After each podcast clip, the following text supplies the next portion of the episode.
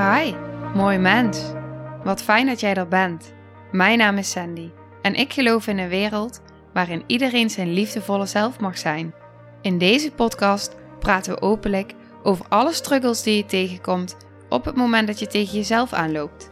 Vanuit mijn kennis en ervaring deel ik levenslessen en geef ik je inspiratie hoe jij vanuit pijn en angst weer voor liefde en vertrouwen kunt kiezen, zodat jij, dwars door het donker, de weg terug kunt vinden naar het licht in jezelf. Welkom bij de Liefdevolle Strijder Podcast.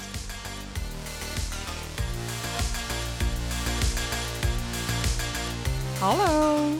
We gaan het vandaag hebben over conditionering. Wat is conditionering? In hele korte zin: conditionering is eigenlijk aangeleerde patronen in jouw hersenen.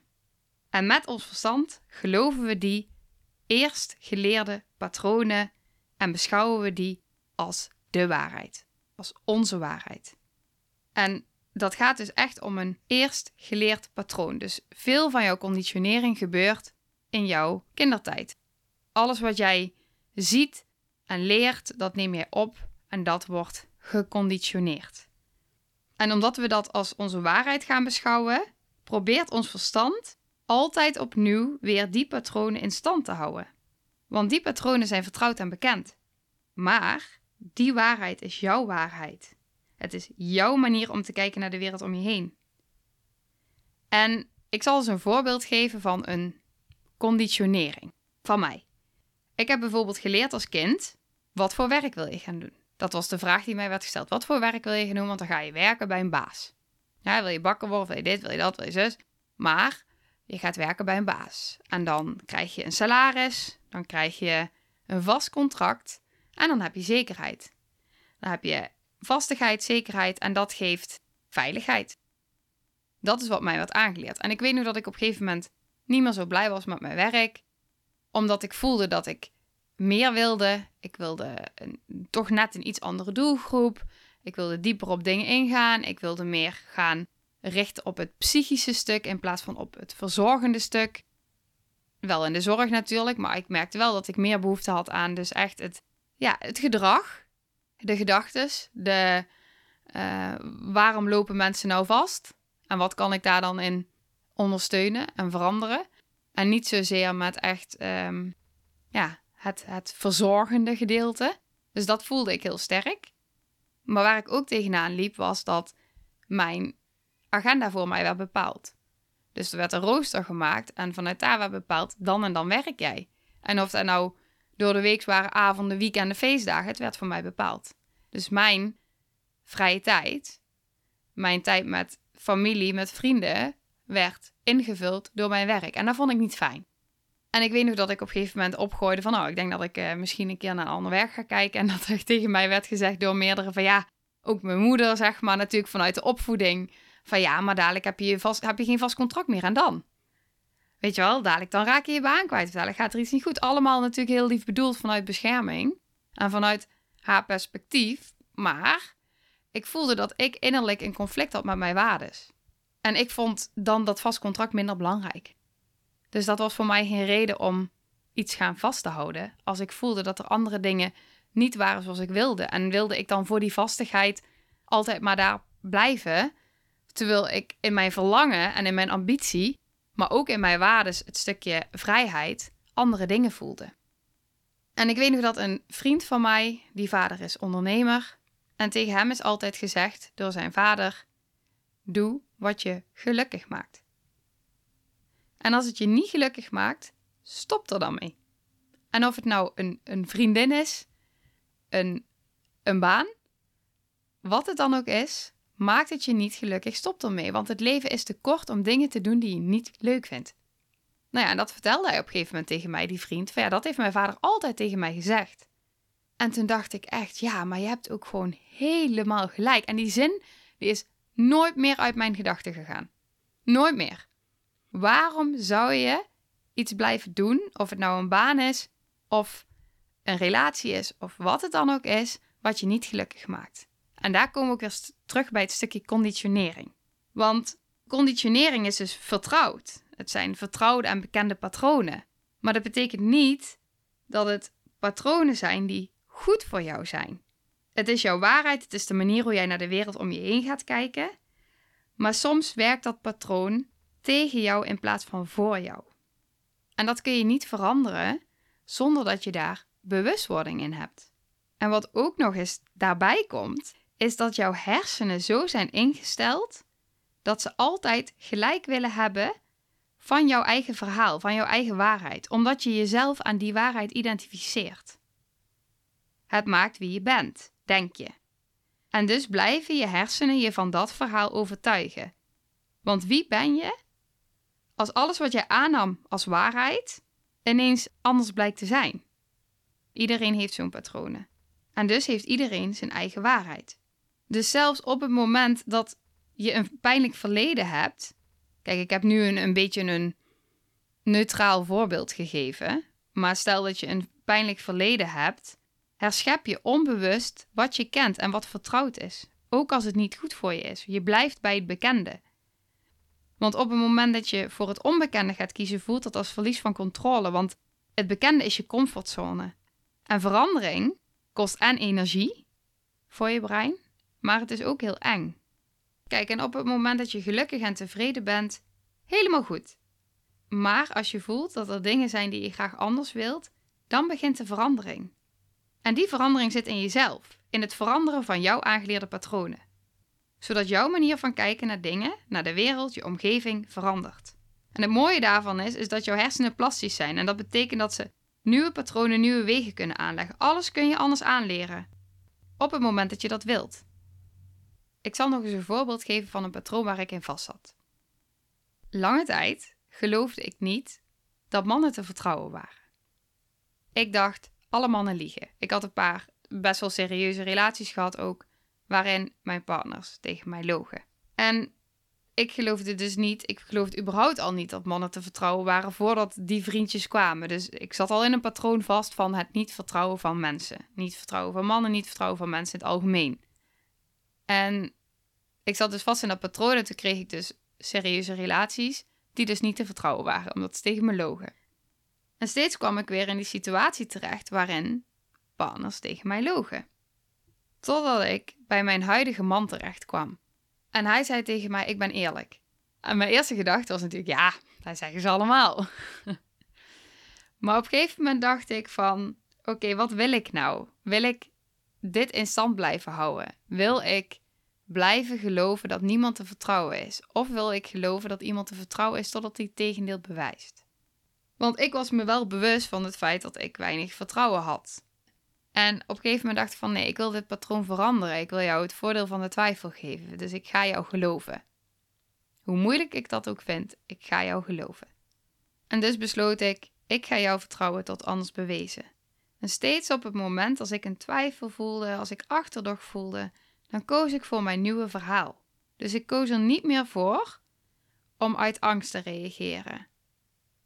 Om die achterdocht te laten merken, want dat is wat er dan gebeurt. Dat iemand vertelt iets tegen jou en je gaat vragen: is dat echt? Weet je wel, je gaat doorvragen en daardoor merkt jouw partner natuurlijk al van ja, maar je vertrouwt mij niet. En dat wilde ik niet. Dus wat ging ik doen op het moment dat ik voelde van oké, ik merk hier dat ik moeite heb op het gebied van vertrouwen, dan ging ik met mezelf in contact. Dus ik ging afstand nemen. Ik ging even een stukje wandelen of ik ging even mediteren. En ik koos ervoor om in het nu terug te komen. Dus de situatie te zien zoals die nu is. In plaats van hoe de situatie vroeger was. Dus in plaats van dat ik dacht, ja, alle mannen liegen tegen mij. Hoe kan ik jou nou vertrouwen? Ik kan niemand te vertrouwen. Niemand is te vertrouwen. En ook echt daadwerkelijk in angst kreeg en misschien zelfs nog, nog wel paniek kreeg. En zo het hele verleden op dat moment in de situatie van nu kwam, die totaal anders was dan de situatie van toen. Dus ik stopte met die gedachten. Ik stopte met het verleden en ik kwam in het nu. En op dat moment ging ik de situatie zien zoals die nu is. Oké, wat is nu de situatie? Hij zegt dit. Waarom zou ik aannemen dat het niet zo is? Ik vertrouw erop dat wat hij zegt waarheid is. Dus niks aan de hand. En is de situatie dan zo erg als die lijkt? En uiteindelijk merkte ik elke keer als ik de situatie kon zien in het nu, los van de, het verhaal, de conditionering uit het verleden, het patroon wat ik had aangeleerd, dan was de situatie lang niet zo zoals ik vanuit mijn patroon voelde. En dan kon ik in het nu komen en op dat moment ontstond er geloof. En ontstond er steeds meer ruimte en vooral heel veel liefde. Want op het moment dat ik me door de angst van vroeger, door mijn verhaal, mijn patronen van vroeger, op dat moment zou laten projecteren op mijn partner, dan zou hij ook weer onrecht voelen. En dat creëert afstand in de relatie, maar het creëert ook een tekort. En doordat ik daarvan loskwam, kon ik voor vertrouwen en liefde kiezen. En dat veranderde mijn gevoel. Dat veranderde het gevoel in de relatie. En dat veranderde ook iedere keer als dan die momenten er waren en ik keek naar het moment van het nu, dan besefte ik dat het moment van nu niks te maken had met het moment van vroeger. En daardoor kon ik mijn verhaal, mijn conditionering, kon ik veranderen.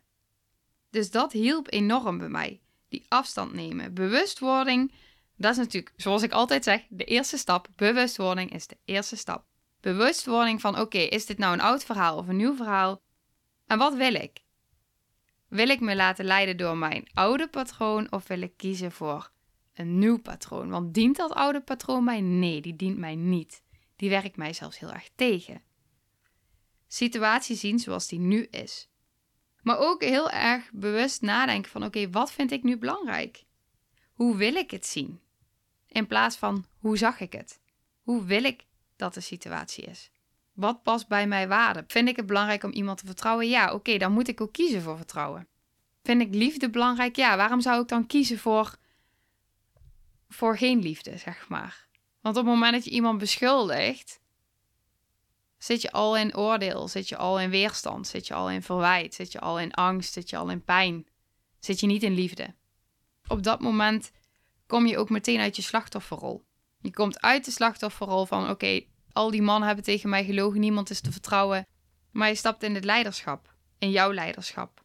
Vanuit een onbewust aangeleerd patroon ga je bewust kiezen wat je wilt. Want op het moment dat jij wil dat jouw leven verandert, zal jij moeten veranderen, niemand anders. Anderen zijn een spiegel voor jou. En op het moment dat je iets vervelend vindt in anderen, triggert dat iets in jou. En op het moment dat jij daar vanuit afstand naar kan kijken, kun je het gaan herkennen kun je er bewust van worden en kun je voor iets anders kiezen. En daarin zit zoveel groei, zoveel persoonlijke groei. Want uiteindelijk maakt het niet uit of dat mijn man op dat moment wel of niet tegen mij loog. Waar het om gaat is hoe mijn gevoel bij de situatie is. En mijn gevoel is dat ik wil kiezen voor vertrouwen. Wat ook heel erg kan helpen in het veranderen van je patronen zijn affirmaties. Iedere dag jezelf herprogrammeren aan de hand van affirmaties. Wat zijn affirmaties nou? Een affirmatie is eigenlijk niets meer en minder dan een gedachte. Maar hoe vaker we een bepaalde gedachte hebben, hoe meer we daarin gaan geloven. Want heel vaak vertel je jezelf vooral dingen wat je niet kan en wat, wat niet goed genoeg is. Maar op het moment dat je je continu gaat herhalen op een positieve manier, positieve affirmaties, wat wel goed is in je leven en waar je dankbaar voor bent en waar je blij mee bent, dan ga je jezelf eigenlijk op een positieve manier, ga je jezelf, je hersens, herprogrammeren. Jouw hersenen kunnen alles opnieuw aanleren, want zij geloven alles wat jij vertelt. Jouw hersenen zien namelijk geen verschil of iets echt is of fictief, zoals bijvoorbeeld een film. Uit onderzoek is gebleken dat op het moment dat jij naar een film kijkt, dan, dan maakt jouw, jouw, jouw brein maakt diezelfde emoties aan als wat jij ziet in die film. Vandaar dat het ook zo is dat mensen gaan huilen bij het zien van een zielige film. Omdat het je raakt. Omdat jouw hersenen dat letterlijk op dat moment geloven. En zo is het ook met het nieuws. Op het moment dat jij naar het nieuws kijkt en jij ziet iets verschrikkelijks, dan maakt in jouw brein worden automatisch die stofjes aangemaakt van die verschrikkelijke emoties, waardoor je het ook letterlijk gaat voelen. Het is zelfs uit onderzoek zo gebleken dat als jij een krachtige visualisatie doet, dus echt een hele goede visualisatie, je ziet het precies voor je, je kan het voelen, je kan het ruiken, je kan het horen, je kan het zien in gedachten. Voor jouw brein is dat nog sterker dan een daadwerkelijke situatie die je in het echt meemaakt. En waarom? Omdat je er dan vaak met je gedachten niet helemaal bij bent. Omdat op het moment dat je in de situatie bent, jouw gedachten nog overal en nergens zitten, dan ben je niet helemaal in het nu. Daarmee kan jij dus jouw brein aan de hand van positieve affirmaties, kun je jouw hersenen herprogrammeren. Want een echte affirmatie die jij voelt, die gaat echt het onderbewuste beïnvloeden. En waar het dan dus ook om gaat, is dat je het dus ook voelt. Kijk, je kan honderd keer zeggen: Ik ben gelukkig, ik ben gelukkig, ik ben gelukkig. Ja, dat gaat echt niet werken. Maar op het moment dat jij zegt: Ik voel me zo gelukkig. En dat je dat echt diep van binnen ook voelt in je hele lijf. Dan gaat dat jou zo'n beter gevoel geven. Maar je gaat het ook zoveel meer aantrekken. Alles wat je aandacht geeft, groeit. En hoe vaker jij jezelf overtuigt van jouw nieuwe verhaal, jouw nieuwe waarheid, hoe meer jouw verstand je gaat geloven. Op het moment dat jij je aandacht gaat richten op je nieuwe verhaal, wordt automatisch meer van dat aangetrokken. En zo verandert je leven. Als jij je patroon verandert, verandert je zelfbeeld, je gevoel, je gedrag, alles. Ik zal even een voorbeeld geven. Ik had bijvoorbeeld een aantal affirmaties. Ik zal ze even oplezen. Ik lees er een paar op. Ik ben genoeg. Ik doe genoeg. En zal altijd genoeg zijn. Ik ben het waard. Mijn lichaam is gezond. Ik ben dankbaar voor het lichaam waarin ik leef. Ik verdien het om gelukkig te zijn. Mijn gedachten worden realiteit. Het is zoals het is. Ik ben dankbaar en accepteer dat alles op het juiste moment in mijn leven verschijnt. Dat zijn een aantal van de affirmaties die ik iedere dag oplas.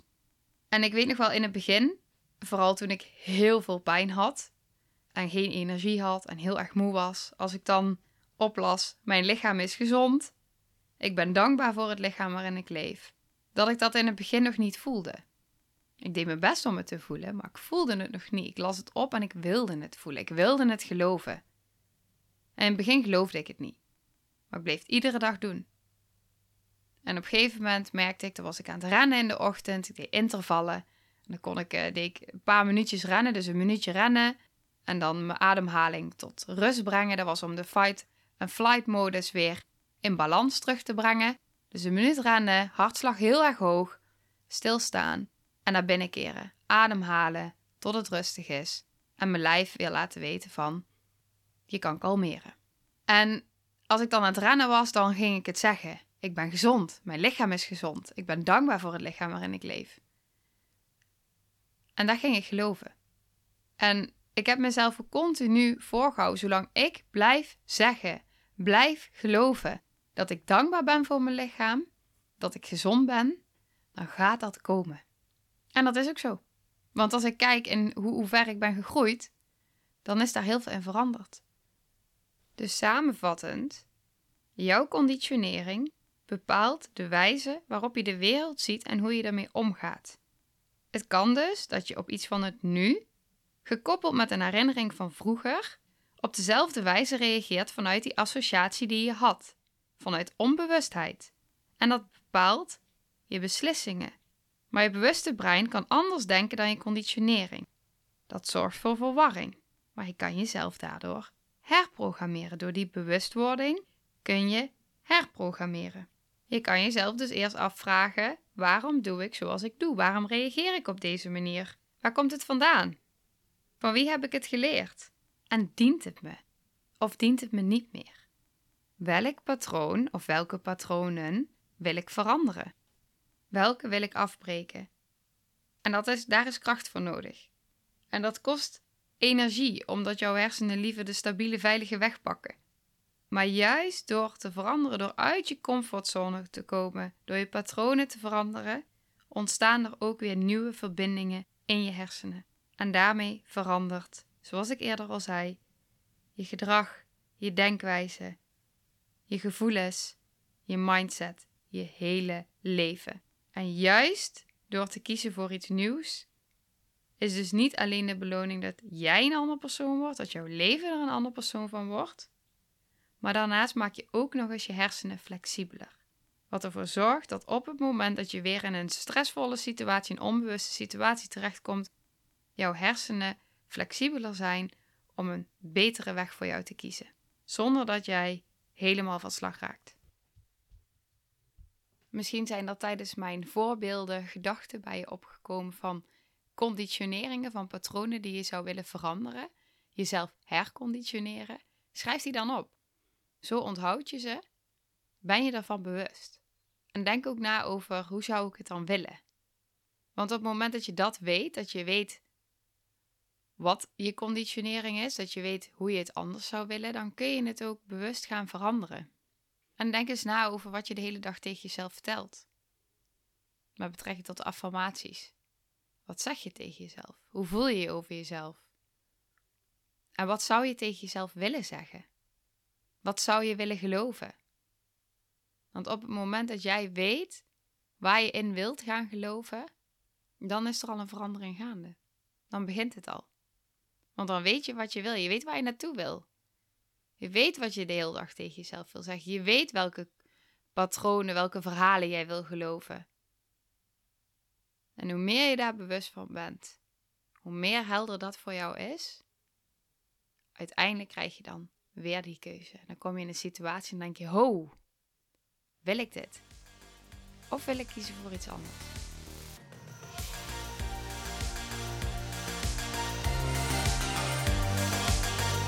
Nou, lieve mensen, ontzettend bedankt voor het luisteren. Ik ben heel benieuwd wat je van de aflevering vond en welk inzicht je eruit hebt gehaald. Mocht je nog vragen hebben of is er een onderwerp waar je meer over wilt weten, laat het me dan weten. En wie weet neem ik het mee in een van de volgende afleveringen. Als je het leuk vindt, kun je de aflevering delen. Of maak een screenshot en tag me op Instagram. Want ik vind het echt super tof om te zien wie er luistert. De link van mijn Instagram staat in de beschrijving bij de podcast. En wil je blijvend geïnspireerd worden? Klik dan op abonneer of volgen in de podcast-app waarmee je luistert. Dat zouden ik en alle toekomstige luisteraars enorm waarderen. Want dat zorgt er namelijk voor dat de podcast beter gevonden wordt. Nogmaals, dankjewel voor het luisteren en heel graag tot de volgende aflevering.